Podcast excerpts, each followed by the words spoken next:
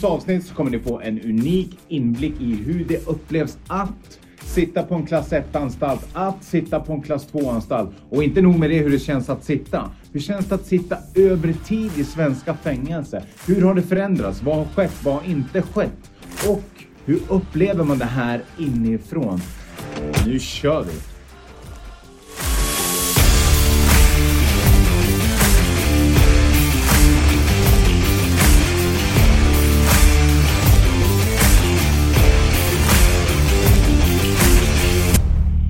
Välkommen till Gynnestamspodden. Idag har vi med oss Mats Holmström. Tjena Mats, hur är läget? Ja, det är bra. Själv då? Jo, det var bra. Det var bra. Du, jag har haft fjärilar i magen för att jag ska ha med dig här i programmet kan jag säga. Ja, det har jag med haft lite sådär. Det är, det är väl ett steg i min riktning i livet som jag, eftersom jag vill ändra på mig och sådär. Ja. Försöka att göra något eh, vettigt. Mm. Dagens avsnitt, dagens poddavsnitt heter ju Mitt liv som intagen. Vad tänker du när jag säger det? Ja, det blir ju delade känslor på något sätt. För det har ju varit en livsstil för mig eh, och levt i det där i bra många år. Eh, samtidigt så här nu när jag eh, har klivit av och eh, vill leva ett vanligt liv så är det ju att jag har slängt bort en jävla massa år. Mm. Eh, det har jag framförallt fått hört någon gång av mina barn också. Mm. Så att det är ju, det är tragiskt så här efteråt, men det har ju varit, mitt liv har ju sett ut så där. Jag har ju haft dubbelliv så att säga. Mm. Mm. Och jag tänkte det, intressant. Jag tänker att vi, vi, vi gör så här att vi börjar med vem, vem är Mats Holmström? Om vi säger så här. Vart är du uppväxt? Hur såg din familjesituation och bakgrund ut? Vi, börjar där. Ja, jag är ju uppväxt till en början en kort tid eh, utanför Sandviken då. Sen så växte jag upp i Gävle fram till lekis. Då bodde jag med min mamma. Eh, Jag är ju skilsmässobarn då så att eh, jag har ju fått kuska emellan då. Men jag stack ju då från min mamma när jag gick i lekis då. Okej. Så då flyttade jag hem till min pappa. Så blev jag ju kvar där och, och under min uppväxt och så. Och haft det väldigt tufft och sådär. Um, det är inte så kul att prata illa om sina föräldrar och så här. Nu är min morsa död och min pappa är ju gammal och sådär. Men, men jag har ju haft det väldigt hårt och, och så det har ju blivit en utmaning också så att säga. Mm. Det blev, har ju varit katastrof med skola och allting och sådär. Men det har ju ändå gått relativt bra. Jag började jobba när jag var 15 år och jag halkade in på den här banan väldigt tidigt utanför samhället så att säga. Men jag har ändå hållit mig till att eh, sköta jobb och sådana där grejer. När började, du sa väldigt tidig bana. Vad, vad är det för ålder vi pratar om då? Ja, man började väl göra småhyss så här när man var en sju, tio år gammal liksom. Ja. Som eskalerade i liksom, eh, man började ju på dricka och sen hamnade man ju i liksom, man blev ju springpojke, man blev, alltså man var ju, man tydde ju sig till äldre och, och sådär. Och sen gled man ju ur liksom, när man blev äldre då, 15, 18, så började man ju hitta andra umgängeskretsar och, och det var ju inte bara det här festandet då, utan det blev en massa annat. Och, och jag har väl haft svårt för att prata och sådär och varit tyst och man har tagit på sig saker när det har hänt och, och liksom och då har de väl kanske sett att man har varit en pålitlig människa. Då har man ju liksom klättrat i, i olika situationer och man har ju liksom det är svårt att förklara men Jag tycker du förklarar väldigt bra. ja, Och jag förstår ju också, någonstans så kommer det från en tystnadskultur, eller hur? ja jo det är det och jag har ju Ja. aldrig hållit på att prata om, om sånt här egentligen. Nej. Eh, så det är ju, det är ju rätt, det är rätt jobbigt och svårt också eh, att göra så. Men jag har ju haft en önskan i, i många år att kanske vilja jobba med ungdomar och, och hjälpa. Ja. Eh, Ja. men jag har liksom inte vågat ta det klivet. Men, men nu liksom känns det ju som, eh, jag har varit nykter och så liksom sedan 2010, oktober, september någon gång tror jag. Ja.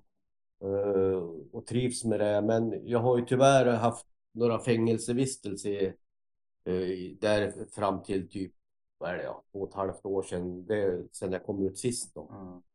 Mm. Så jag har ju haft en resa som jag har försökt att göra annorlunda. Men det har ju varit lite trassligt. Mm. Eh, Men nu känner jag mig mycket mer stabilare Mm. på det området och, och, och nöjd på det sättet. Så att eh, det här är ju en grej för mig att, att gå vidare också. Ja, det förstår jag. Och det, och det var du tydlig med innan vi, innan vi påbörjade det här poddavsnittet också. Men jag fastnar på att du vill jobba med ungdomar. Är det där, någonstans där när du var 15 till 18 år som du kände själv att det började accelerera för dig? Ja, jo, det blev väl så. Det, det blev liksom mera hyss. och Man tog ett kliv längre ifrån lill, den lilla byn liksom och, och, och skaffa sig andra vänner och, och, bekanta och sådär. Ja. Vad var det för andra vänner du skaffade då? Och liksom, för Det vi... blev kriminalitet och, och, och liksom, jag höll ju på, jag har ju hållit på med sport och grejer när jag var yngre och jag höll ju på att tävla med speedway. Det var väl bland de sista grenarna som jag höll på. Jag hade väl någon rallybil där eh, strax efter en sväng tror jag också. Men, men eh, sen det blev det här med fängelsen och då, jag slutade ju med allting liksom då. När fick du din första fängelsedom då? Jag tror att det var 89 tror jag. 89. Och hur gammal var Mats då? Ja, jag var väl 2021 kanske. Ja, okej. Jag tror någonting. Min äldsta pojke är född 89. Han, han eh, fyllde väl år. Han fyllde ett år då när jag muckade första gången tror jag.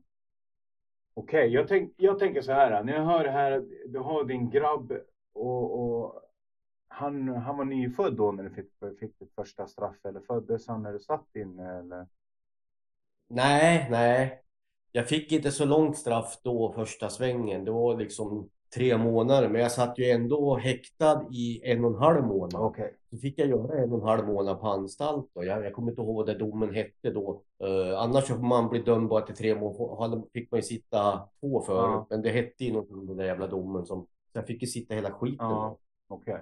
Och, och, och liksom, det var ju lite strul och sådär, så jag var ju på väg att ställa till det och rymma och grejer. Men, men det var ju min grabb som höll mig kvar, att han fyllde år samma dag. Jag ville inte paja det heller liksom. Nej. Så att, eh, och sen har det ju bara eskalerat med, med, med, med straffen. Mm. Det har ju liksom blivit högre och högre. Jag tror det högsta är väl sju ett halvt år eller vad jag hade som Mm. högst. Men då tänker jag så här också. Då måste ju kriminaliteten ha gått hand i hand med det. Alltså att kriminaliteten accelererar också.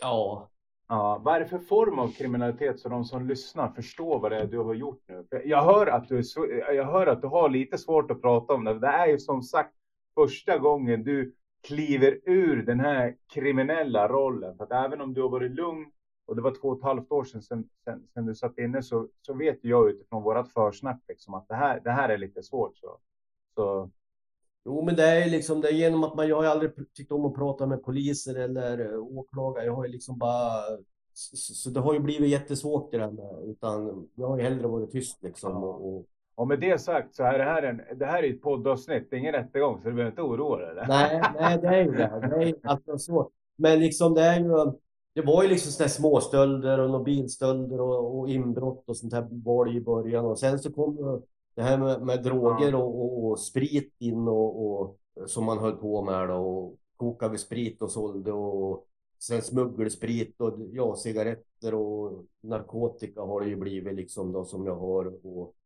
jag har ju liksom aldrig, jag tror inte det finns någonstans där det står att jag har erkänt liksom att jag har gjort de här brotten heller liksom. Nej. Så det är jättesvårt liksom att nej. sitta och, och så ska man helt plötsligt ändra på sig och säga men det är ju de brotten som, som, jag, som har eskalerat och blivit liksom då. Man har ju hjälpt till och, och så vidare och, och sen har det ju skitit sig ibland och så man har torskat och så har det ju smällt till och, och så har man haft familj och ungarna och det har, ja, det har blivit jättejobbigt sådär liksom. När man har, men man måste ju stänga av. Mm. Mm. Okej, när, när, när börjar du, när, om jag, jag frågar, det är mycket jag fastnar på här, men när börjar du, när börjar du med narkotika? När, när kom narkotikan in i bilden? För det är en allvarligare brottslighet. Ja, jag, jag var nog kanske runt 15 bast tror jag. Alltså 15 bast. Ja. Man var ju liksom, det är ju det här att de såg väl att man var ändå pålitlig och tyst liksom och, och man kunde göra saker och sen eskalerar det liksom och så, Ja. jag vet inte om, var jag kanske 18-20 kanske när jag började hantera sånt. Ja. Okej. Och, och vad var det för, vad var det för droger då när vi var 18-20 år? Det var ju liksom det här uh, cannabis och, och amfetaminet liksom. Det, jag har väl haft mina, vad säger man att det heter då? typ som heroin och det här, det har varit liksom tabu för mig. Alltså på något sätt har man ju haft liksom något samvete också. Ja. Om man ska kalla det så. Jag vet inte om Ja. det är ord heller men, men för det har man ju hört ändå att det har skadat så mycket. Och, och, och hasch och amfetamin har ju inte varit på liksom Mm. det har inte varit dödligt på det som Ja, det kändes mildare för dig. Ja, jag kan förstå det. Jag, kan förstå, jag, jag, kan förstå, jag förstår ditt tänkande. Det gör jag. Det, sedan är det ju så här, en drog är en drog och det vet ju alla och det vet ju du nu idag också. Ja. Liksom. Men, men jag kan förstå rent eh, känslomässigt hur du har tänkt där. Men när det var 18-20 år, vad, vilka mängder var det då av cannabis? Ja, man börjar med ganska lite, men sen det har ju varit relativt stora. Det har ju handlat om, om kilon och så vidare. Ja, Då har det ju liksom varit, man, man byggde upp liksom, man började väl med något täckt och, och, och sådär. För jag, ja, jag fick ju tag på, på väldigt bra eh, människor som höll på med det där då, som var lite högre upp och sådär. Och man byggde ju upp ett förtroende och liksom gentemot varandra och sådär. Och, och det vet jag inte riktigt om du i dagens läge, jag tror inte det är på samma sätt som det var förr. ja, Då, då var det liksom ett handslag och man kunde liksom, sa man att det var så, så, så stod man ju för det. Och så verkar det ju inte vara. Och ja. det är liksom, nej, det är inte alls. eh, Och det är ju en del utav anledningarna som att jag vill inte vara med längre. ja. Jag känner att kriminaliteten har förändrats så pass mycket. Ja, det har blivit jätte, jätte annorlunda idag. Det, det, idag är du vän, bästa vänner ena dagen och dagen efter så, så blir det massa konflikter istället. Och, Ja, ja, Det där är inte min grej. Utan ja. står man och, och är man vänner då får man stå där tills kämpa tillsammans. Mm. Inte, inte sätta varandra i klistret liksom. Utan då Vad menar du med sätta varandra i klistret? Ja men liksom att, att man går som är vanligt idag. Det är typ bötfälla eller att man ska anklaga varandra för att man har tittat snett på varandras brudar eller eh, Mm.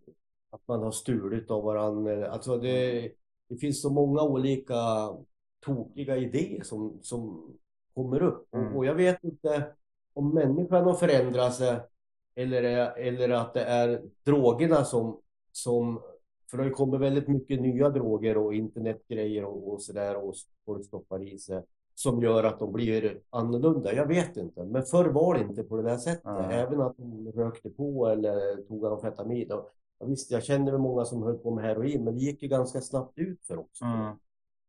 Det blev väl liksom, men, men det var inte alls det här som är idag. Nej. Så din, din inställning till kriminaliteten där och då när du höll på, det var mer att okej, här, det här partiet har jag, det här vill jag tjäna pengar på, that's it, jag vill inte ha något bråk, jag vill inte ha något sus.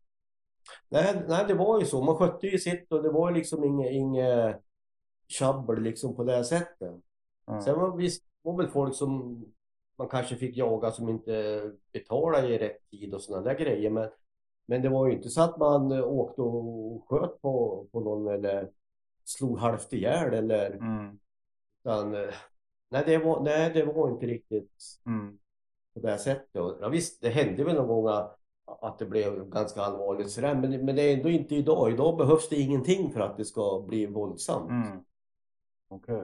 Och, och det, gör, det är ingen som tjänar någonting på det. Det, det är bara snarare att man förlorar på det. Ja, 100 procent så är det så. Även om du fortsätter vara kriminell och hålla på med så förlorar du, för du åker in.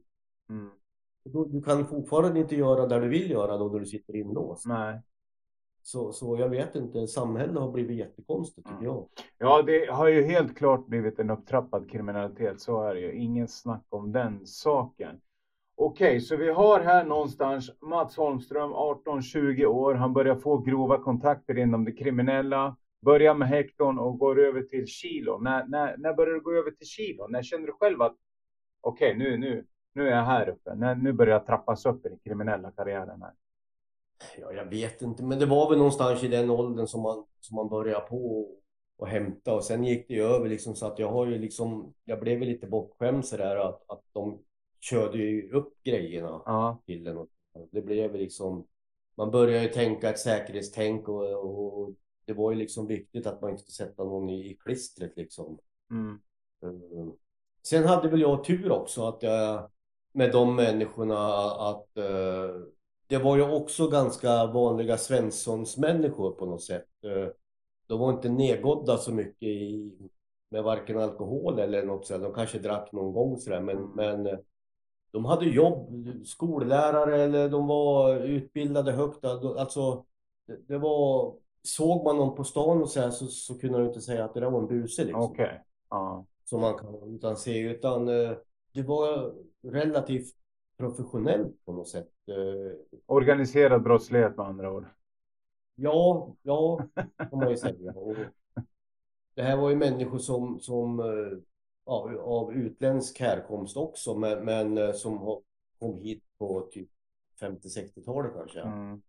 eh, och började gjorde så att eh, de var ju också väldigt försvenskade och, och, och så och liksom ja, det är en, det är liksom det är vänner till mig än idag. Ja. Eh, några av dem och, och sådär. Och jag har liksom sagt att jag, jag har pensionerat mig. Och det har aldrig varit liksom, nej men det får du inte göra. Utan de har, de har accepterat och tycker det. Och jag har sagt samma sak. Mm. Liksom att vad fan det är dags för er också. För de är mycket äldre än mig. Mm. Eh, Sen vet inte jag om de har pensionerat sig eller vad, vad de har, har gjort. Men, men Nej. jag har liksom sagt det, vad fan, de måste ju ledsna. Det, det går liksom inte. Mm. Så att, eh, och de har ju också gjort en del, men vi har aldrig flugit och suttit i samma rättegångar och sådär. Mm. Det är också lite sådär uh, annorlunda på något sätt. För när man ser så är det ju liksom härvor som åker, då åker liksom hela... Och så har det liksom inte varit. När jag har åkt så har jag åkt själv och så sen har det varit folk som har varit under. Mm. Men liksom det har ju aldrig varit... Jag vet att polis och åklagare, de har ju varit väldigt fundersamma och så, för de har ju aldrig vetat vad jag har fått eller vem jag har samarbetat med till Mm. exempel. Jag förstår det. Jag ställde en fråga här nu innan och vi ska ta en avslutande fråga innan vi, innan vi tar en kortare paus och innan vi går in på fängelsesnacket här med dig. Och det var Ja. när tog du det första kilot? När kom du upp på den nivån? Så att de som lyssnar förstår ungefär vilken ålder så att de får med sig det innan. Jag tror att det var ja, runt 20-årsåldern. Ja, det var där alltså. Det, det, det, det accelererar ganska fort med andra ord. Ja. Mm. Ja, Okej. Jag tror ändå att det var för att, man, att jag var att jag var relativt eh, pålitlig och, och, och sådär och liksom eh, att jag inte höll på själv. Eh, utan jag hade, jag jobbar ju också. Jag var ju, alltså jag jobbar ju och hade ett familjeliv liksom. Mm. Jag tror ändå att det var, har haft en stor roll i det. Mm. Det tror jag. Ja, det tror jag också. Okej, vi ska göra så här att vi går till en kortare paus och sen så ska vi prata om hur det är att ställa in sig på fängelse om och om igen och hur det är att sitta på riksanstalt, alltså klass 1. Så stay tuned!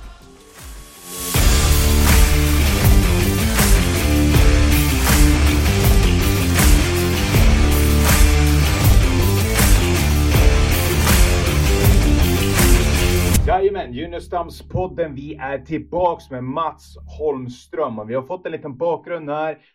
Mats, för er som inte har lyssnat än, har kommit in i den organiserade brottsligheten här i ganska tidig ålder och accelererat ganska fort. Och Mats Holmström har varit en frekvent besökare på de här tyngre anstalterna i Sverige. Så Mats, jag ställer dig frågan. När hamnade du på en riksanstalt, alltså en klass 1-anstalt första gången? Ja, som jag har funderat. Jag var väl 27 kanske som jag var då. 27 år. Ja, 95 tror jag. något sånt där. Och jag tror, ja, jag var väl 27 bast då. Vilken anstalt var det då? då? Eh, då, Härnösands, gamla Härnösandskåken Mm. eh, låg mitt inne i stan något trafikljus där. Eh, sen har de byggt som heter Saltvik då, efter det. De har ju stängt, men, men det var en bra anstalt den där gamla Härnösandskåken. Det var lite uppdelat. De, de hade ju en avdelning, men de kom man ju inte åt. Det var ju sexförbrytare och sådana där grejer. Eh, Som, men de kom man ju aldrig åt liksom så, utan vi hade ju ett hus, men det var väl samma promenadgård tror jag, för det var en jätteliten promenadgård med en fotbollsplan. Men, men annars så var det ju bra. Det var ju hall och, och fria vikter och, och man fick ju och sådär och, och man kunde gå mellan våningarna och så öppna fönstren eh, på gavlarna på, så var det, det var ju galler då, så kunde man ju öppna liksom. Då. Men det var ju ingen toalett inne på rummen och trädörrar var det och sådär. Mm. Men hur var det? Jag tänker så här, ja. alltså klass 1-anstalt, det är ändå liksom, det, det, nu snackar vi de värsta anstalterna i Sverige. Hur var det för dig som 27-åring att kliva in på en klass 1-anstalt? Jag tyckte det var, var bra det. Man blev ju accepterad ganska snabbt liksom. Jag hade ju lite vänner inom moppevärlden eller vad man ska säga då. Okay. alltså, man, man, det blev ju så och sen liksom det sprids väl lite det där när man har på med folk och sådär. Jag, jag har inte haft några problem uh, på det sättet Nej. utan uh, jag vet jag hamnade i, i ett bråk faktiskt där. Ja. Men uh, och direkt liksom så fick jag uppbackning. Ja. Men jag sa ifrån liksom att jag fixar det själv liksom. Och, och... Vad var det som hände då i bråket? Hur, hur hamnade du i slagsmål? Jag kommer inte riktigt ihåg hur, vad som hände och sådär men, men det blev väl något tjafs. Som, men jag kommer inte ihåg vad det handlade om riktigt. Men jag har ju varit ganska liten till växten och sådär. Så att eh, jag har inte varit någon så här stor eh, vältränad på, på sådär. Men, men jag har ändå varit ganska så snabb och vass ändå liksom om det har, har behövts. Och, Ja. och så. Men, eh, så jag vet inte. Så att det har betytt, men, men som sagt eh, direkt så var det vet jag ju då den här som kom direkt, han, han gick ju som livvakt åt en person var det på alla. Okej. Så han kom ju direkt där och backade upp mig och, och, och ville väl göra både det ena och jag sa nej skit i det. Så det Sen så var det faktiskt en eh, rätt rolig grej som hände. Han ville bli förflyttad hem. På den tiden så fanns det ju något som hette att var man med i någon organisation liksom och så där så skulle man ju placeras långt ifrån där man bodde. Mm. Började de med då. Och här, han ville hem men eh, det blev väl inte riktigt så. Så att han ställde väl till en scen. Okej. Vad var det som hände då? De var 15 stycken från, eh, med vakter och skit. Ingen vågade gå fram och ta honom. Jag stod i badtofflor, jag stod och duschade faktiskt. Och, och badtofflor och sen handduk runt midjan och springer ner för trappen. För det här var på nedre plan och jag bodde på andra plan. När jag hörde det här braka loss. Ja. Jag springer ner och ska hjälpa han då. Och, hans kollegor de sitter och spelar kort och grejer. Och jag sa, vad fan, varför hjälper han inte? Nej, men det fixar han själv. Okej, han började slåss med vakten alltså? Ja, det var ju så, men, men det var ingen som vågade gå fram. Så säkerhetschefen går fram och säger, titta på dem, de är så jävla rädda, de vågar inte, kan vi inte lägga ner det här? Så de tog varandra i handen. Och, och sen blev det inget mer med det, men de lurade ner hans hem på Isol och sen vet jag inte vad som hände. Med. Men Mm. de var 15 stycken som stod där och inte vågade gå fram. Mm. Liksom, eh, och det är enda gången jag varit med och sett inne på en anstalt så. För annars är de liksom, de flyger ju på en och dammar på en med batonger och allt möjligt skit. Ja. Men, men eh, det där, nej, det var liksom Menar du att den, menar du att den här situationen, att, att, att, att kriminalvårdare backar, är det det du menar?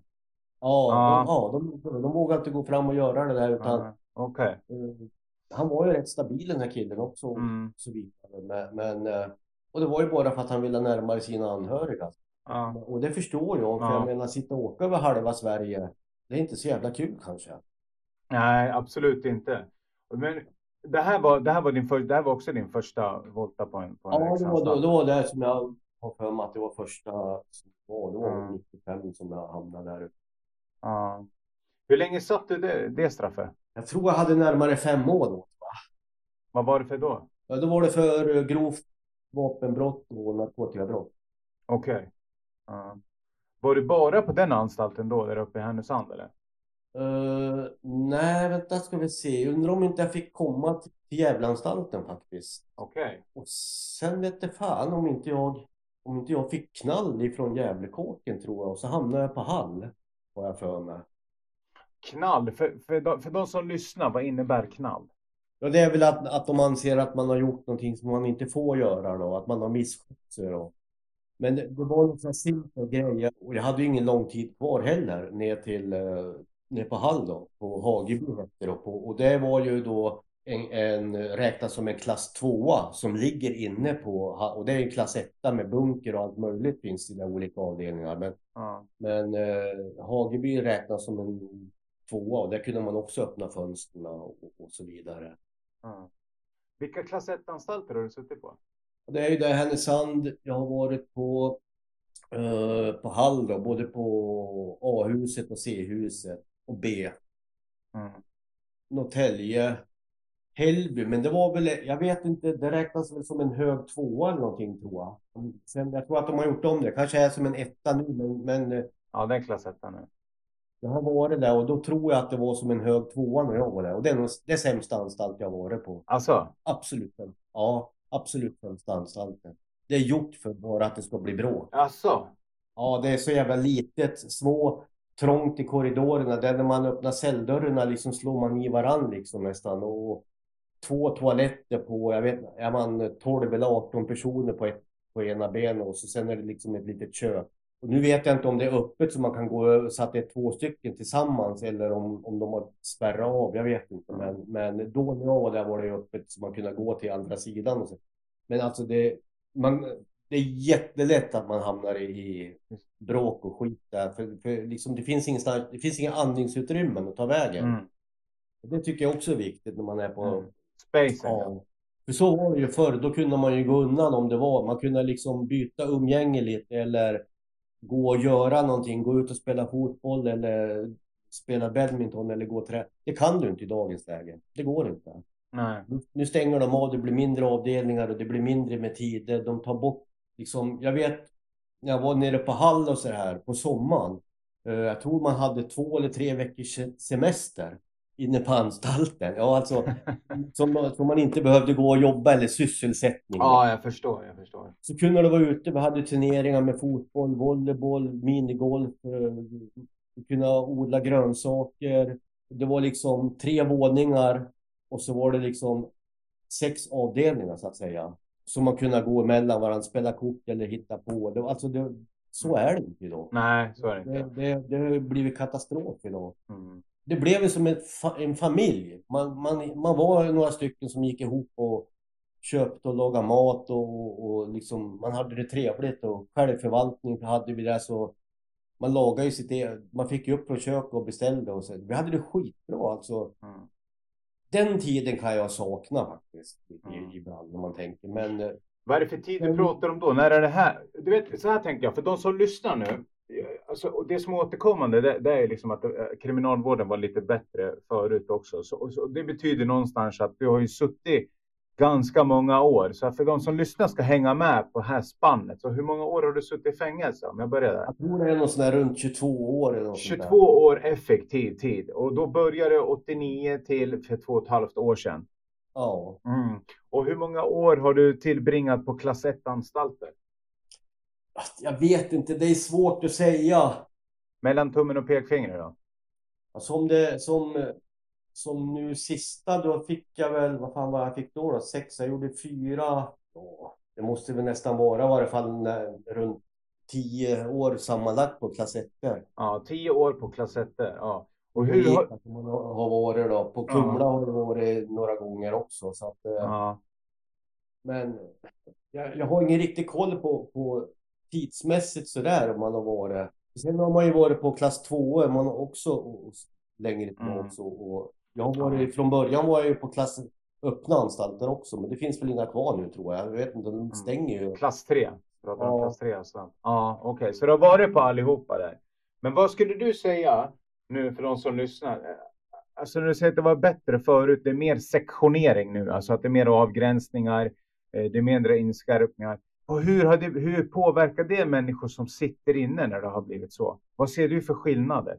Nu är det ju liksom gjort för, för bråk. Så var det ju inte förr. För, för förr var ju, då lät ju plitarna vara en vara va. Ja, Då var det liksom intagna och plita. Men det var ju också att man kunde prata med dem eh, på ett sätt utan att det blev massa jävla konflikter. För så kan det ju bli idag också Ja. eh, många gånger. mm. Att det, men det tror jag att, att det är en rädsla genom att det, det blir att man hetsar varandra och det blir en massa, det går liksom inte att göra sig av med överskottsenergin va. Nej. Så man nästan går och söker problemen. Och, Ah, och så kanske man får för sig att ja, men han går och pratar skit liksom. Och, och så.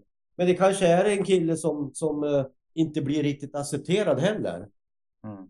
Eh, och inte vet vad han ska göra och känner sig utanför och lite rädd kanske som blir och så börjar på prata lite med, med någon plit eller någonting. Ja, det är väl både, både på ont och gott det där kan jag tycka. Då. Men, men för det kan ju hända att de sitter och säger fel saker också som inte blir så bra.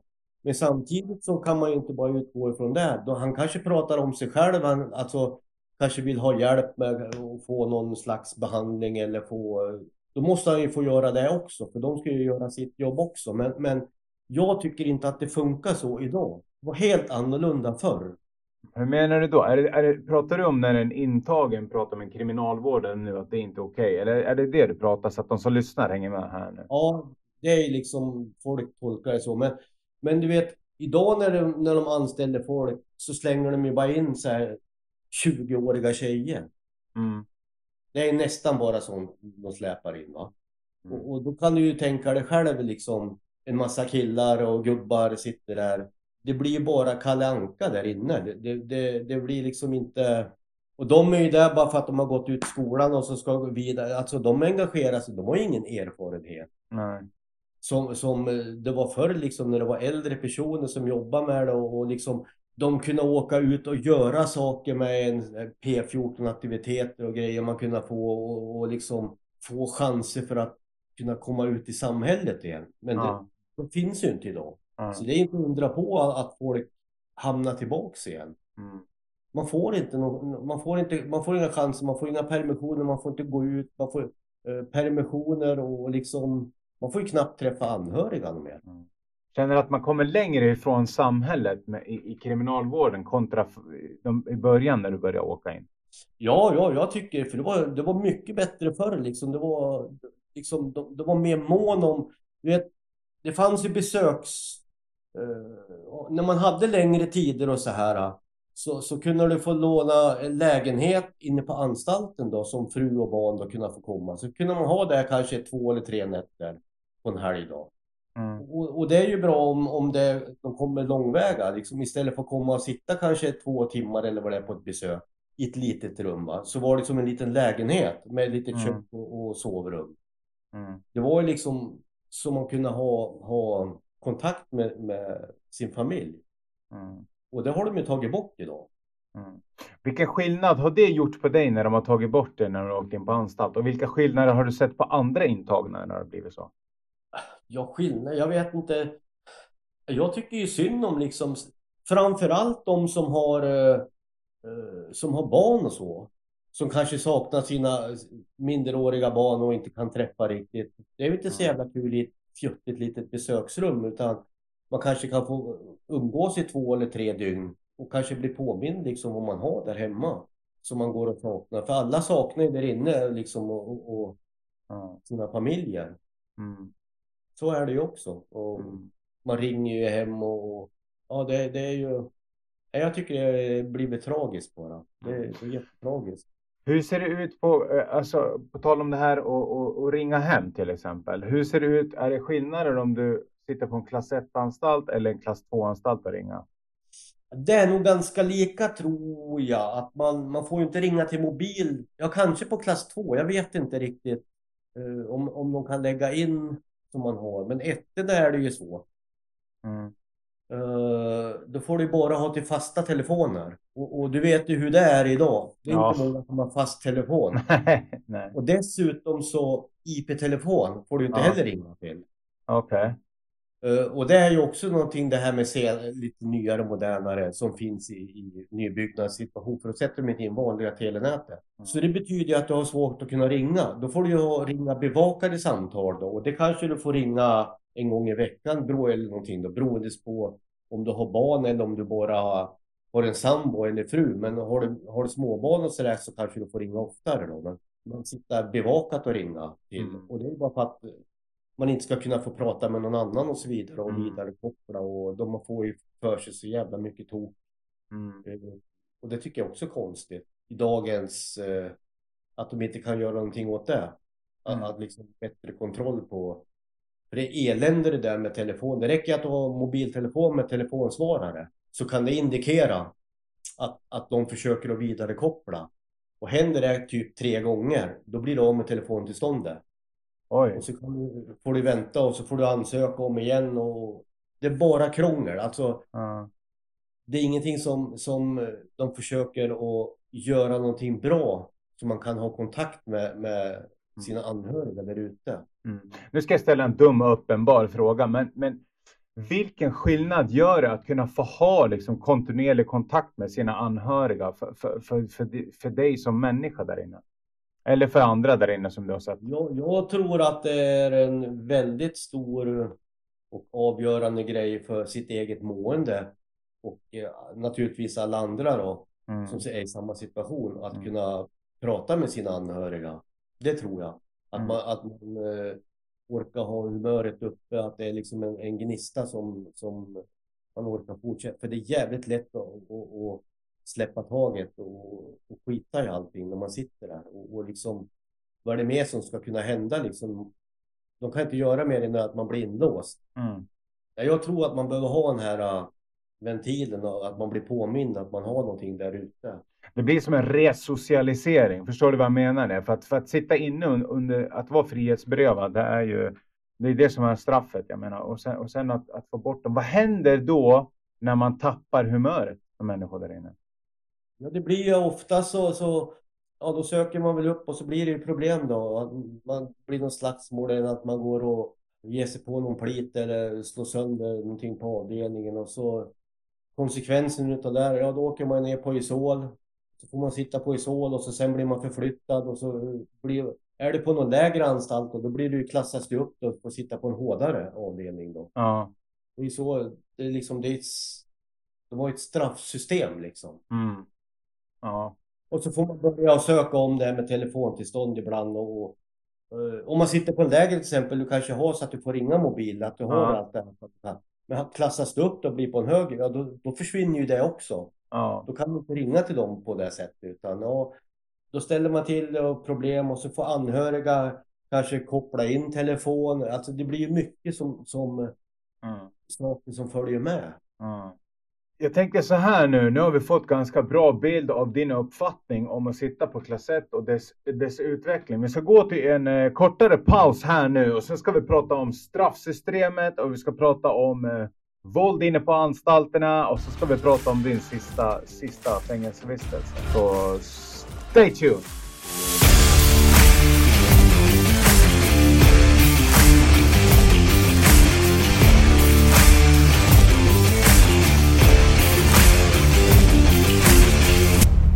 Okej, Gynnestamspodden. Vi är tillbaks här. Mats Holmström.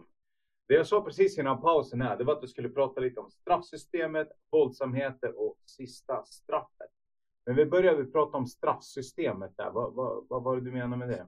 Jo, det blir ju liksom, du får liksom inga morötter.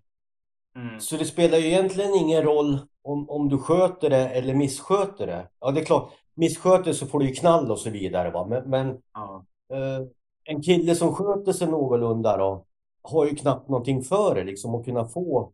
De har ju blivit så rädda liksom att, att eh, inte släppa ut den på, på någon eh, permission eller eh, att man ska få ut på någon. Alltså, har du då lite skit i bagaget så, så följer ju det med i flera år. Mm. Uh, och det tycker jag är lite jävligt för att vi som har, har levt i det här och, och, så tror jag att många försöker att göra saker och vill göra annorlunda men det kanske inte är så jävla lätt att släppa taget helt. Mm. Menar du om det kriminella nu eller? Ja. Ja, okej. Okay. För det vet jag jag, jag själv har ju varit, varit så här liksom. Jag har ju sagt att jag kommer ju aldrig att bli liksom, och nu är jag ju här. Ja. Att jag har tagit det steget och, och jag har ju hållit på i, i flera år liksom jag tror jag började min resa typ 2005 blev det på tal om som jag drog på min första vårdvistelse till exempel. Ja. Men, men tyvärr har det ju liksom blivit bakslag på vägen och sådär. Men jag har ju haft någonting med mig hela tiden. Och nu kändes det väl kanske rätt i tiden då. Nu tog jag i beslutet att flytta och så vidare. Ja, det kändes rätt. Och jag har liksom inte vågat lämna där uppifrån som jag har bott och vuxit upp då, utan jag, jag har bitit mig kvar där liksom på något sätt. Mm. Och, och, jag vet inte vad det heller beror på liksom riktigt heller, om det är för mina föräldrar har varit gamla, att jag vill ha varit nära, för det, det har ju varit liksom, de har ju betytt väldigt mycket för mig trots att min uppväxt har varit som den har varit. Mm. Så är det ändå de människor som har, som jag har, som har hjälpt mig när jag har suttit liksom, som jag har, jag har litat på. Va? Mm. Som har skött allting och, och, och sådär. Så att, eh, Nej, det där straffsystemet, det, det, jag tycker de ska gå tillbaks, ha bättre folk som jobbar, som vågar ta, ta ansvar själv. Det törs de inte nu, för det är för många som ska sitta och bestämma. Jag vet, jag vet faktiskt en gång, det var då nog som jag hamnade på, på Hall, uh, när jag fick knall ner dit och inte hade så lång tid kvar. Så fanns det en, jag tror han var säkerhetschef då, Mats En hette han. Nu är han någonting annat där nere, han är nog högt, men han, han var då och jag vet att han kom en dag till, till mig uppe på avdelningen och, och frågade och så var han brynäsare kommer jag ihåg. Så han frågade vad, vad man höll på. Naturligtvis sa man att man höll på Brynäs då. Så då blev man ju liksom så här, ja men då blev man ju lite tjenis där. Ja fan. Så säger han så ja men det är väl en dags för dig att, att, att klassas ner? Uh, ja men då måste man ju ha en permis först så jag. Är det bara där det hänger på sa han. Ja. Ja men vad fan du har väl inte så lång tid. Du ska inte vara här. Nähä, nej, men ja, jag ska fundera. Eller vänta så. Om jag släpper ut det om permis, kommer du tillbaks då eller skulle du ställa till det? Men naturligtvis skulle jag väl inte ställa till det så jag ska väl sköta mig på det. Ja, för alla har ju, alla har ju rätt till en chans, säger han då. Men bränner du den så är det ingen idé att komma till mig och liksom. Då har du bränt det hos mig också menar han på. Mm. Men låt mig fundera så kommer jag tillbaks och så gick det. Jag kommer inte ihåg vad det tog, kanske en vecka eller några dagar. Så kommer han tillbaks och så säger han åt mig, sa han, ja, jag funderar lite, sa han. Jag skulle, I princip skulle jag kunna ta med dig bort till centralvakten och så ställa ut dig på trappen i några sekunder eller i en minut. Då har du ju varit ute på egen hand och då kan jag skicka iväg dig på en lägre anstalt, sa han. Det skulle ju kunna, visst skulle det kunna vara så, sa jag. Men, sa han, vi ska göra så här. Du ska få fyra timmars permission och då, måste, då ska du gå ifrån anstalten ner till, till centrum, sa han. Du får inte åka buss. Du får inte å, å, ha någon skjuts. Och så ska du köpa en tidning eller vad fan som helst och ta med ett kvitto och visa, sa han. Fixar du det, sa han, så får du åka på en öppen anstalt. Jaha, ja, det är väl klart. Och så blev det. Mm. Och då hade jag ändå fått, fått knall. Det hade ju börjat på Härnösand. Och så var det via Gävle. Bara för någon skitgrej. Men han tyckte att man ska slussas ut man ska inte vara där för, för platserna där är till för de som har längre. Och, och så där har jag aldrig någonsin hört de resonera. Nu skiter de i om du, de sätter in på, på klass 1 idag kommer det in de som har liksom så 14 dagar och såna här grejer. Ja. Bara för att de har en bakgrund. Ja. Det är inte undra på att det blir fullt liksom när det blir istället för att de har, de har de här lägre anstalterna eller en fotboja eller någonting att de ger. Varför ska man då åka in 14 dagar på en klass 1 och, och ta platsen för någon annan som behöver det? Alltså det blir ingen bra stämning. Det blir, det blir skit. Mm. Vad händer då när det kommer in, alltså när man sitter en, en lång volta som du har gjort nu, liksom många tunga volter. Vad händer då när det kommer in en, en passagerare om man säger så, någon som bara ska vara där några tre, fyra veckor. Vad händer med den personen? Och vad händer i gruppen? I fängelsegruppen bland de intagna? Ja, det är svårt. Folk, det beror på, men, men oftast så är det ju säkert någon som känner att de har säkert haft längre straff eller att man har några gemensamma bekanta. Så, så för, för, den delen så har det väl funkat relativt. Men det kan ju vara någon helt okänd som kommer in som, som och det kan ju bli väldigt jobbigt. Att de kanske blir så mm. utstött på något sätt eller mm. att man inte får liksom de respekterar och så, så, så, det är både på ont och gott det där. Men, men jag tänker liksom en livstidare eller någon som har kanske 10, 12, 16 år. Det är inte så jävla kul att det kommer in en som har 14 dagar, en månad, Nej. som ska gå där. Åh fy fan, snart ska jag mucka. Alltså, det är, ja, det, är inte respektfullt. Ja. det är inte ens respektfullt emot den som har längre tid. Det vill man ju inte höra. Då, då, då vill man ju hellre bara gå och klappa till den där personen som går och, gnäller och tjatar. Och, och, och, Det blir dålig stämning kan det ju bli också. Men det behöver ju inte bli det. Men, men... Felplaceringar inom kriminalvården? Ja, det blir liksom... Eh, det, ja, det, ja, det blir ju lite så. Mm.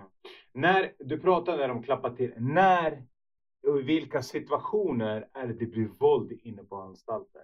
Det kan bli, i dagens läge kan det bli var som helst egentligen genom att det, de gör ju mindre och mindre avdelningar. Ja, det sa du. Så, så det räcker ju typ att man kan spilla eller grisa ner bara och inte ta rätt på sig efter och, och uh, för hur än det är så är det ju ens boende. Man ska ju bo där ett tag.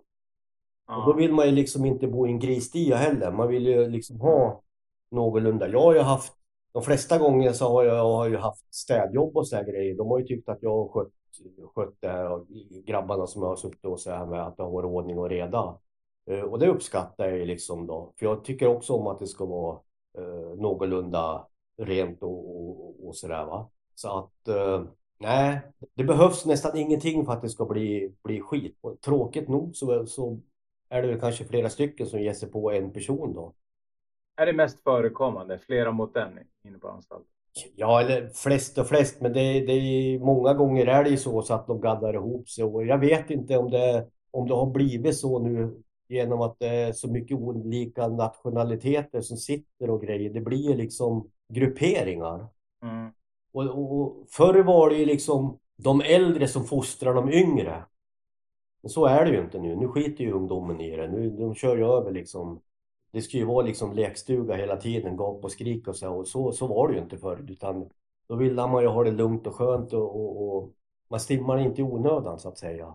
När man stimmar och grejer så, så då, då, då var det någonting som man fick göra det för.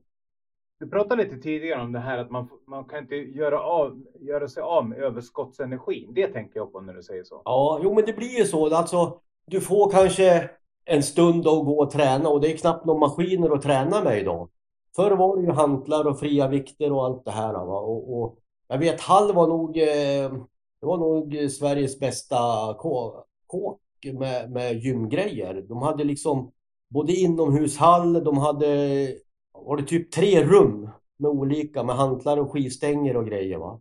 Så man kunde gå och träna och, och, spela fotboll och sen dessutom hade man fotbollsplan ute, volleybollnät och, och så vidare. Va? Så det, var, det fanns ju liksom mycket saker att göra och, och liksom man kunde göra olika turneringar. Men nu är det liksom så här kanske tio gubbar som ska gå ihop då hela tiden och inte kan göra något och så blir det kanske tjafs, man kanske umgås.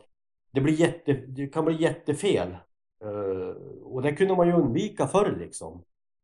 Mm. Och, och liksom att gå på kanten och göra något annat istället och, och försöka hålla ihop istället.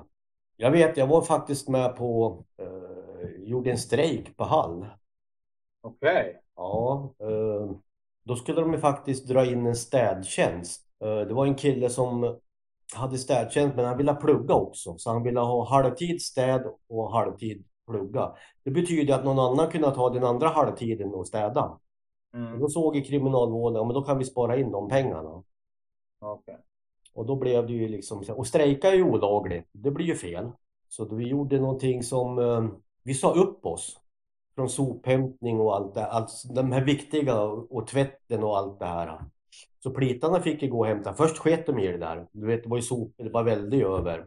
Men till sist var ju de tvungna att släpa ut och greja. Och maten fick man ju hämta och bära upp då, för det fanns ingen hiss. Så det var ju två våningar fick man ju bära i trappor från kulverten.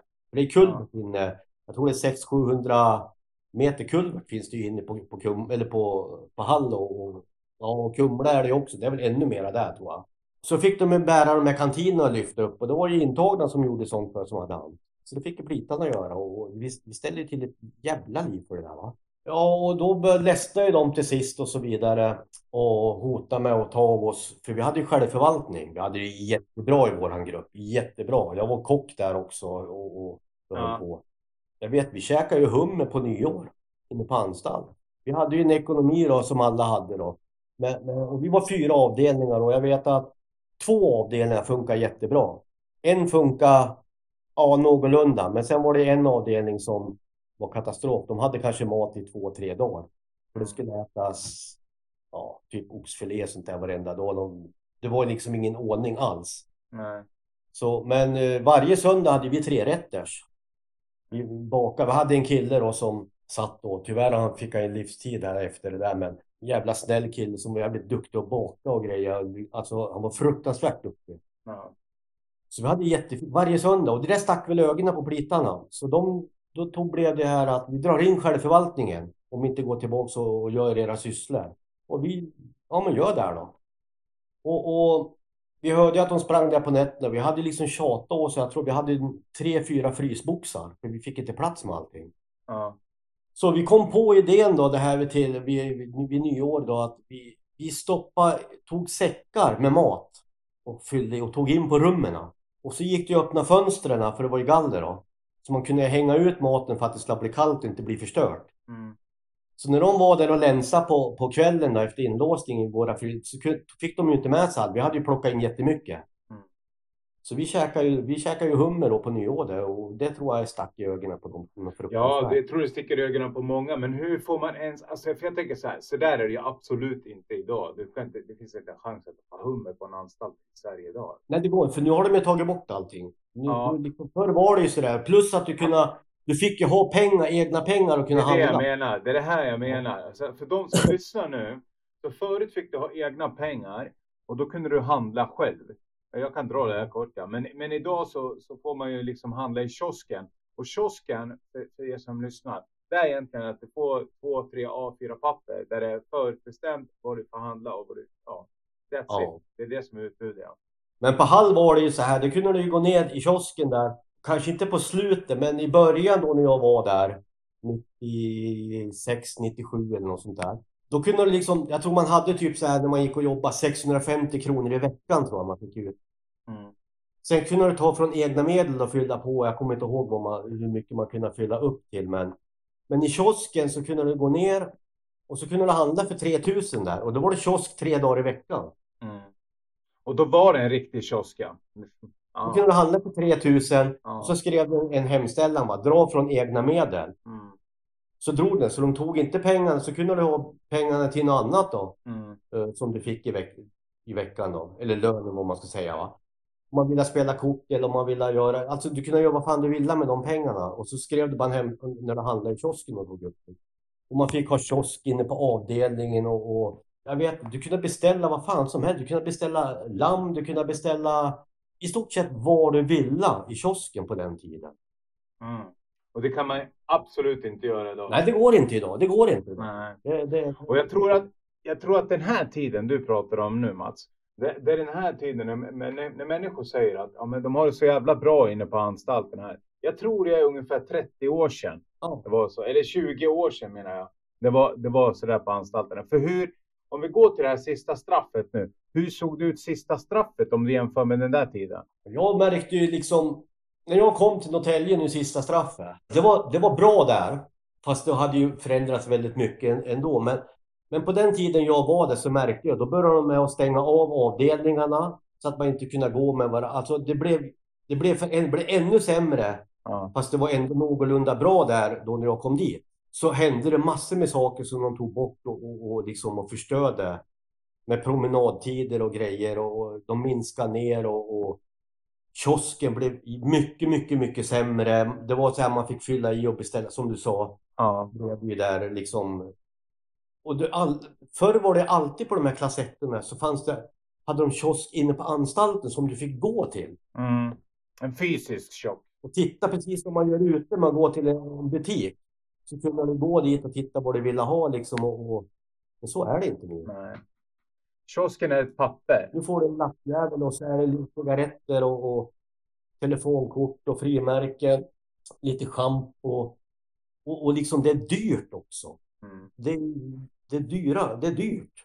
Och du får inte ha egna medel med andra ord. Nej, och det har de också nu den här sista tiden här så, så drog de ju bort det här med till och med.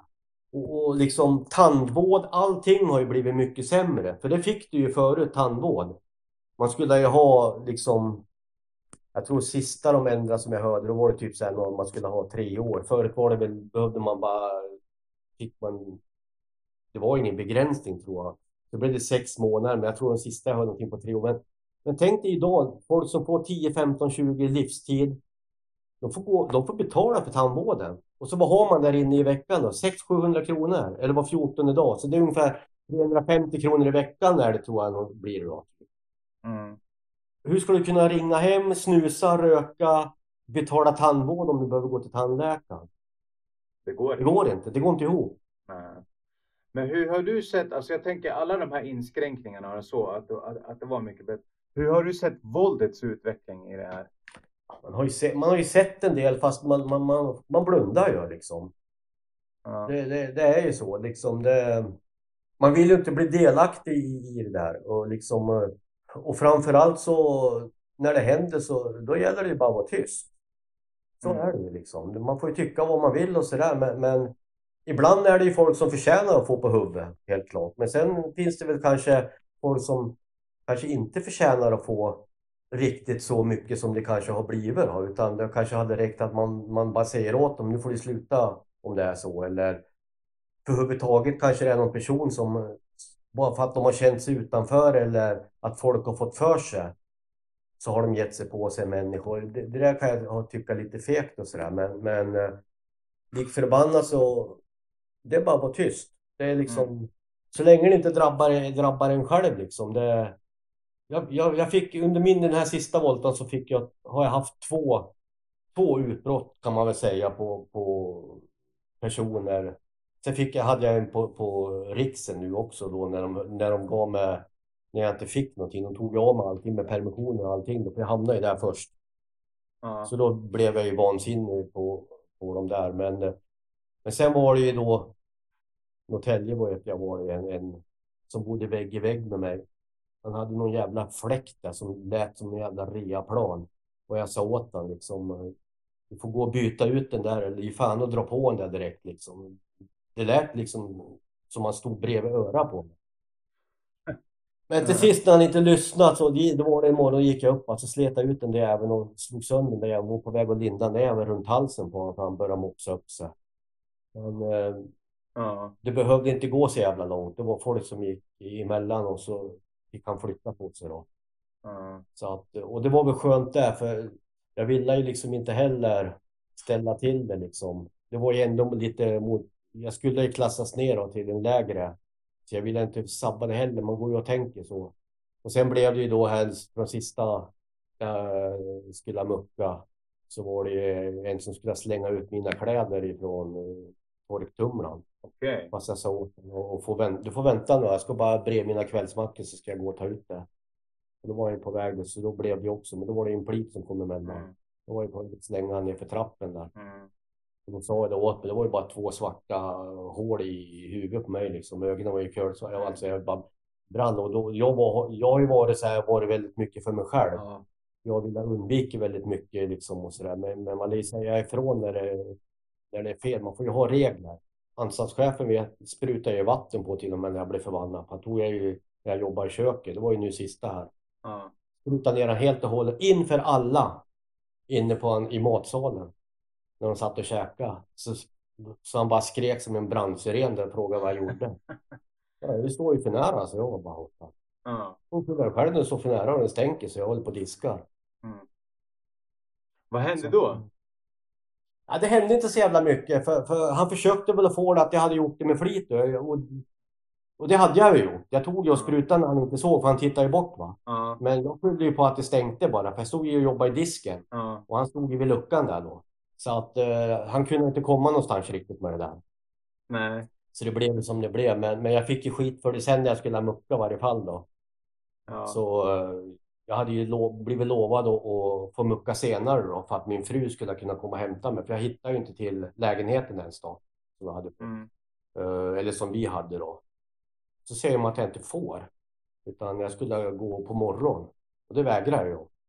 Jag barrikaderade hela avdelningen med soffor och skit. Va? Så det var ju, ja, det var en jävla massa plita som, som eh, jag vet inte, åtta, elva plita som kom där och höll på. Vet du. Jag bad dem dra åt helvete. Så, så men sen kom jag på, det var ju någonstans i mitt huvud som sa att vad fan. Så jag tog telefonen och ringde. Och, och då hade min fru slutat tidigare. Och hon jobbade inte så långt ifrån då, anstalten då. Så att eh, hon var på väg hem. Mm. Och, och, det var väl det som räddade mig från att jag ändrade mig. Så då ringde jag på och sa åt dem, ja men jag går väl då.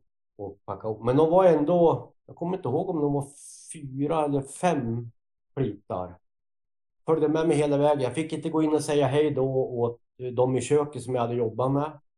de följde med mig hela och skulle kolla mina väskor och jag blev förbannad och sa att ni har ingenting där att göra för ni vill slänga ut det så ni har inte tid att rota i mina saker. Ni ska nog ta men om, om de var fyra, fem, sex stycken. Mm. De följde med mig ända från centralvakten ner till andra grinden. De följde med och min kontaktperson då sa det att det har jag aldrig varit med om. Jag vägrar mucka då alltså. Jag, jag sa det skiter jag stannar kvar. det där har inte jag hört heller, att man vägrar att mucka. Nej, för jag blev, jag är ju så här, jag står, brukar ju stå fast för, för de hade lovat mig att jag skulle få vara kvar till fyra typen och sånt där. Ja. På grund av att min fru jobbar och för att hon skulle kunna möta upp mig. Men, men och så kommer de och säger för att det var någon annan som skulle in där va. Ja. Och det skiter väl jag i liksom. För jag hade fått, de har skrivit på och godkänt min ansökan. Och så kommer de och ändras och gör fel. Jag blir bestraffad om jag gör någonting och, och liksom, då ska det vara samma regler för dem. De får stå för sina ord de också. Mm. Så, så, nej, så det blev, men eh, jag hade en jävla bra kontaktperson i alla fall. Och det har jag, konta- har jag, har jag bra kontakt med än idag så att eh, när jag har mått lite sådär dåligt och sådär så brukar vi skriva och prata med varandra och, och det har varit ett bra stöd och jag har väl aldrig varit den som har tyckt om plita på något sätt Nej. Men eh, så det har väl hänt någonting med mig. Jag, jag har väl börjat fatta jag också att eh, jag måste släppa taget. Jag kan inte gå och vara bitter hela livet. Det går, det går nog inte.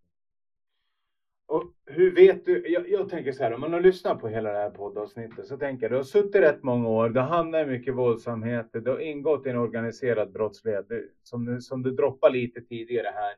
Och jag tänker så här, hur, hur vet du, eller hur vet man att det är sista gången du sitter inne? Ja, det vet man ju inte. Man kan ju aldrig vara... Nej. Det är som jag sa tidigare i mitt liv när, när eh, jag blev utslängd från skolan så jag har ju bara liksom gått tre veckor i åttan till exempel. Ja. Och då svor ju jag att jag skulle bli liksom och hamna på kåken och sitta och allt det här. Och det blir Men jag har ju ändå brutit så att jag vet inte. Det är, det är väl ingen säkerhet att jag inte kommer att sitta någon mer. Men min högsta önskan är ju att jag inte vill tillbaks. För det är ju absolut ingenting utav som jag saknar i dagens läge. Som jag saknar där inne. För det är bara, det är bara skit. Mm. Det finns ingenting som, som eh, med någon gemenskap eller det finns, det finns ingenting i utbyte som jag kan få Nej. eh, där inne och, och skaffa vänner. Det gör man ju inte heller där inne, inte, inte på det sättet. Nej. Det gör man ju här ute bättre skaffa. Jag har liksom fått ett bättre... Vissa människor som, som är, kommer jag fortfarande ha kontakt med. Det är liksom, jag kan... Jag har inget problem med det, för jag vet att de accepterar mig och så vidare. Men och sen är det det här med, med jobb. Jag tycker om att jobba. Jag har alltid tyckt om att jobba och, och så. Och det vill jag göra. Det vill, jag, vill, göra- jag, vill göra, jag vill göra något vettigt av, av eh, mitt och, och liksom det är liksom sista chansen att ha en familj. Jag har det bra liksom. Jag har ändå träffat min typ livskärlek då. Jag, vi har ju känt varandra hela livet va. Men, men och hon jobbar ju emot det som jag har levt i liksom. Ja, perfekt. Så det, så det är bra för mig också Ja. på det sättet. Men samtidigt så, så bestämmer jag ju själv. Vill jag ställa till något så, så gör jag det. Men jag vill ju inte svika henne heller. Eh, Hon har ju fått kuska runt och, och besökt och, och så vidare. Och jag vill inte svika barnen heller. Jag har ju förlorat några av mina barn. Det var nästa fråga jag skulle ställa. Så här, vad hände 89? Du åkte in, din grabb var ett år. Alltså, hur har den relationen varit? Hur ser den ut idag? Peppa peppa ta trä så han och jag har ju kontakt. Eh, vi brukar ju prata och, och, och träffas lite ibland och sådär. där. han bor ju utanför Gävle då. Så det, är ju, det har jag ju kvar. Men sen har jag ju två döttrar som jag inte har någon kontakt med. Tyvärr så, så 2010 när jag åkte in, jag hade ju blivit morfar. Jag var ju så jävla glad för jag tänkte då kan jag bli en bra morfar. När, när jag inte har varit så bra pappa, eller bra pappa, bra. Jag har ju, när jag har setat så har jag ändå haft kontakt med dem och, och, och ringt och de har varit på besök och jag har köpt saker åt dem och så vidare. Men, men jag fattar ju det också att jag inte varit närvarande. Va? Och, och när jag hade ju gått ut och lovat att jag ska bli bra morfar och, och, och, och sen när det hände igen så slutade hon att prata. Så jag har inte haft någon kontakt med henne. Och tyvärr inte hennes barn, en pojke och en flicka. Och det tycker jag är lite fult ändå. Nu ska jag inte sitta och prata skit om henne så. Men, men jag tycker ändå att eh, hon ska inte straffa dem. För de kanske hade velat haft kontakt med mig och så vidare. Men jag har också valt då att är det så så, så försöker inte jag heller. För jag vill inte åka dit och det blir onödigt bråk och så vidare. Hon kanske, hon kanske ser och får höra att jag kämpar på och ändrar och, och gör saker nu. Så att eh, det kanske blir en annan grej en dag. Jag vet inte. Och sen har jag en till dotter som det blev lite konflikt med min mor i också. Men hennes två döttrar har jag kontakt med. Eh, och deras pappa, för de bor hos sin pappa då. då. Eh, och det är jag jätteglad för. Ja. För de var ju jätteblyga när, jag var, när de var små. Och det är ju också sånt där man går och oroar sig att de ska hamna i något skit. För det är lite sådana grejer som, så det är därför jag kan, jag kan inte säga att jag kommer aldrig att sitta med mer. För skulle det hända, hända min familj någonting så då får man ju göra det som krävs. Och det, och det tror jag ingen kan ta ur mig eller muta mig på något sätt heller. Utan eh, det går inte att, att göra. För, det, för då, det är liksom min stolthet, där kan inte jag svälja den i det läget. Det går inte. Så jag hoppas att det inte kommer någon sån dag. Utan det får bara liksom flyta på. Ja, sen är det två grabbar till då, så den ena har jag, men den yngsta av dem då har jag inte heller någon kontakt med nu då. Han har väl också valt att leva lite sådär och, och säger saker att det ska hända, men det, jag vet inte, jag kan inte lita riktigt på honom. Och, och jag har sagt det, den dagen han eh, vill jobba och sköta sig så står jag bakom honom. Men eh, jag vill inte kliva in i någon konflikter för att han inte lyssnar på mig och, och vet hur jag har varit och haft det uppväxt och jag har varit borta väldigt mycket och varit besviken på mig också. Eh, som man har, har befogenhet, det har de väl haft allihop, eh, att vara.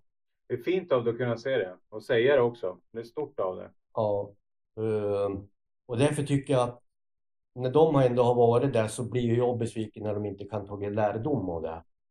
Mm. Och försöka ändra och, och göra någonting vettigt utav det istället. För i dagens läge är det inte samma villkor som, som när jag höll på då.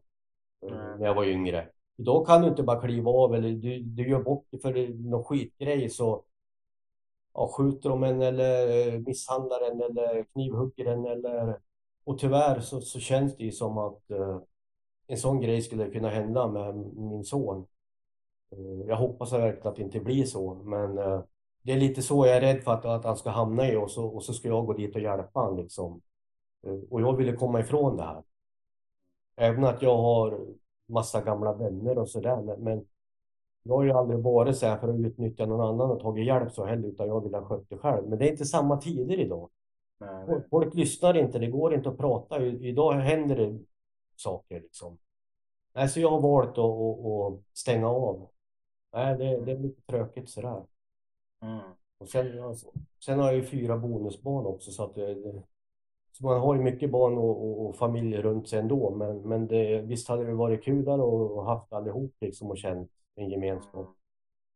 Ja, jag känner, jag känner, när du pratar om det, jag känner, jag känner ju kontakten i ditt hjärta. Vad är, det- vad är det för känslor som, som, som rör sig i dig när vi pratar om barnen? Och, Det är, det, är, det är jobbigt sånt där liksom. Det, man vill ju ändå vara en bra förebild.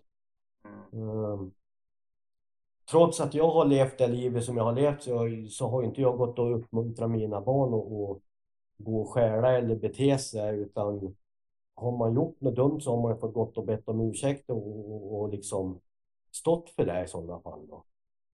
För jag, vill, jag har aldrig velat att de skulle bli den som jag har varit. Nej. För det, för det, det är inte, det finns inget värde i, i och jag tror inte någon av mina barn har det psyket heller som att klara av att vara inlåst på det sättet som jag har varit heller. Nej. Det, för, det, för det är inte så jävla lätt att, att stänga av liksom och, och, och sen så ska man bara utgå ifrån att anhöriga ska ställa upp hela tiden. Som många kanske tror, jag vet inte men, men jag har ju inte räknat med det utan jag har ju då tillförlitat mig på min mor och min far då Mm. har funnits. Annars är det liksom, man kan inte räkna med, man, man äger ju inte en människa. Det är klart som fan att, att den andra hälften kanske ledsnar till sist. Eh, när man far ut och in och så vidare. Och, Och det blir väldigt ensamt. ja, det blir det. Och jag kan ju inte fordra liksom att de ska stanna kvar heller. Det går ju inte. Nej, det, det är jättesvårt. Det är jättejobbigt det där. Och, och, Om du sammanfattar all den här tiden du har suttit inne och allt som har hänt. Det, det är nästan det du är inne på då. Hur skulle du sammanfatta det då? det är, man har ju slängt bort en jävla massa viktig tid liksom. Det är en jätteviktig tid man har slängt bort som med barnen och sådär. En tid som man har kunnat vara med dem. Och ändå tror jag nog att de har haft det relativt rätt bra ändå som kontakt. För det finns nog säkert många barns föräldrar som, som skiter i, i sina barn också när de sitter eller kanske när de är ute och sen vill de ha kontakt när de sitter. Och det kan ju också bli jävligt jobbigt att när de inte är ute och har kontakt utan att man kräver att när man sitter så ska de ha kontakt och, och liksom Ja, det, är, det, är svår, det är svårt, det är jobbigt som fan det där när det, när det... Ja. Jag tänker så här. Va, va, du försöker ha kontakt idag. Du har en förhoppning om att det ska, ska bli kontakt och att det ska bli bra med, med, med alla barnen. Någonstans är det väl där, där man får börja och där man får jobba. På. Ja. Och det, jag tänker ju så, det är ju inte bara den ena. Utan eh, det är väl även de kanske som, som eh, får försöka. Men eh, som sagt, de har väl blivit sviken så många gånger också. Jag, jag har ju en viss förståelse, men eh, jag hoppas väl att de, att de kommer att inse kanske att jag blivit mer mogen och, och, och, och stå för mitt beslut på något sätt och inte ställer upp på mm. allt och alla som man kanske har gjort. Jag har ju varit väldigt lojal sådär. Är det en människa som jag har gillat och så har jag varit väldigt lojal och skyddat och hjälpt eller vad det nu har varit och så många gånger har man ju blivit besviken tillbaks istället och trott att det, det har varit ömsesidigt. Då. Men eh, det har ju kostat en massa år istället. Det är ju så det blir. Så med det sagt så ska vi avsluta, avrunda den här podden med dig Mats Holmström. Jag tackar dig tusen, tusenfalt. Tack att du ville ställa upp här, att du ville dela med dig av fängelsevistelse, förändringar i fängelse och även komma in på barnperspektiv och vara förälder på slut.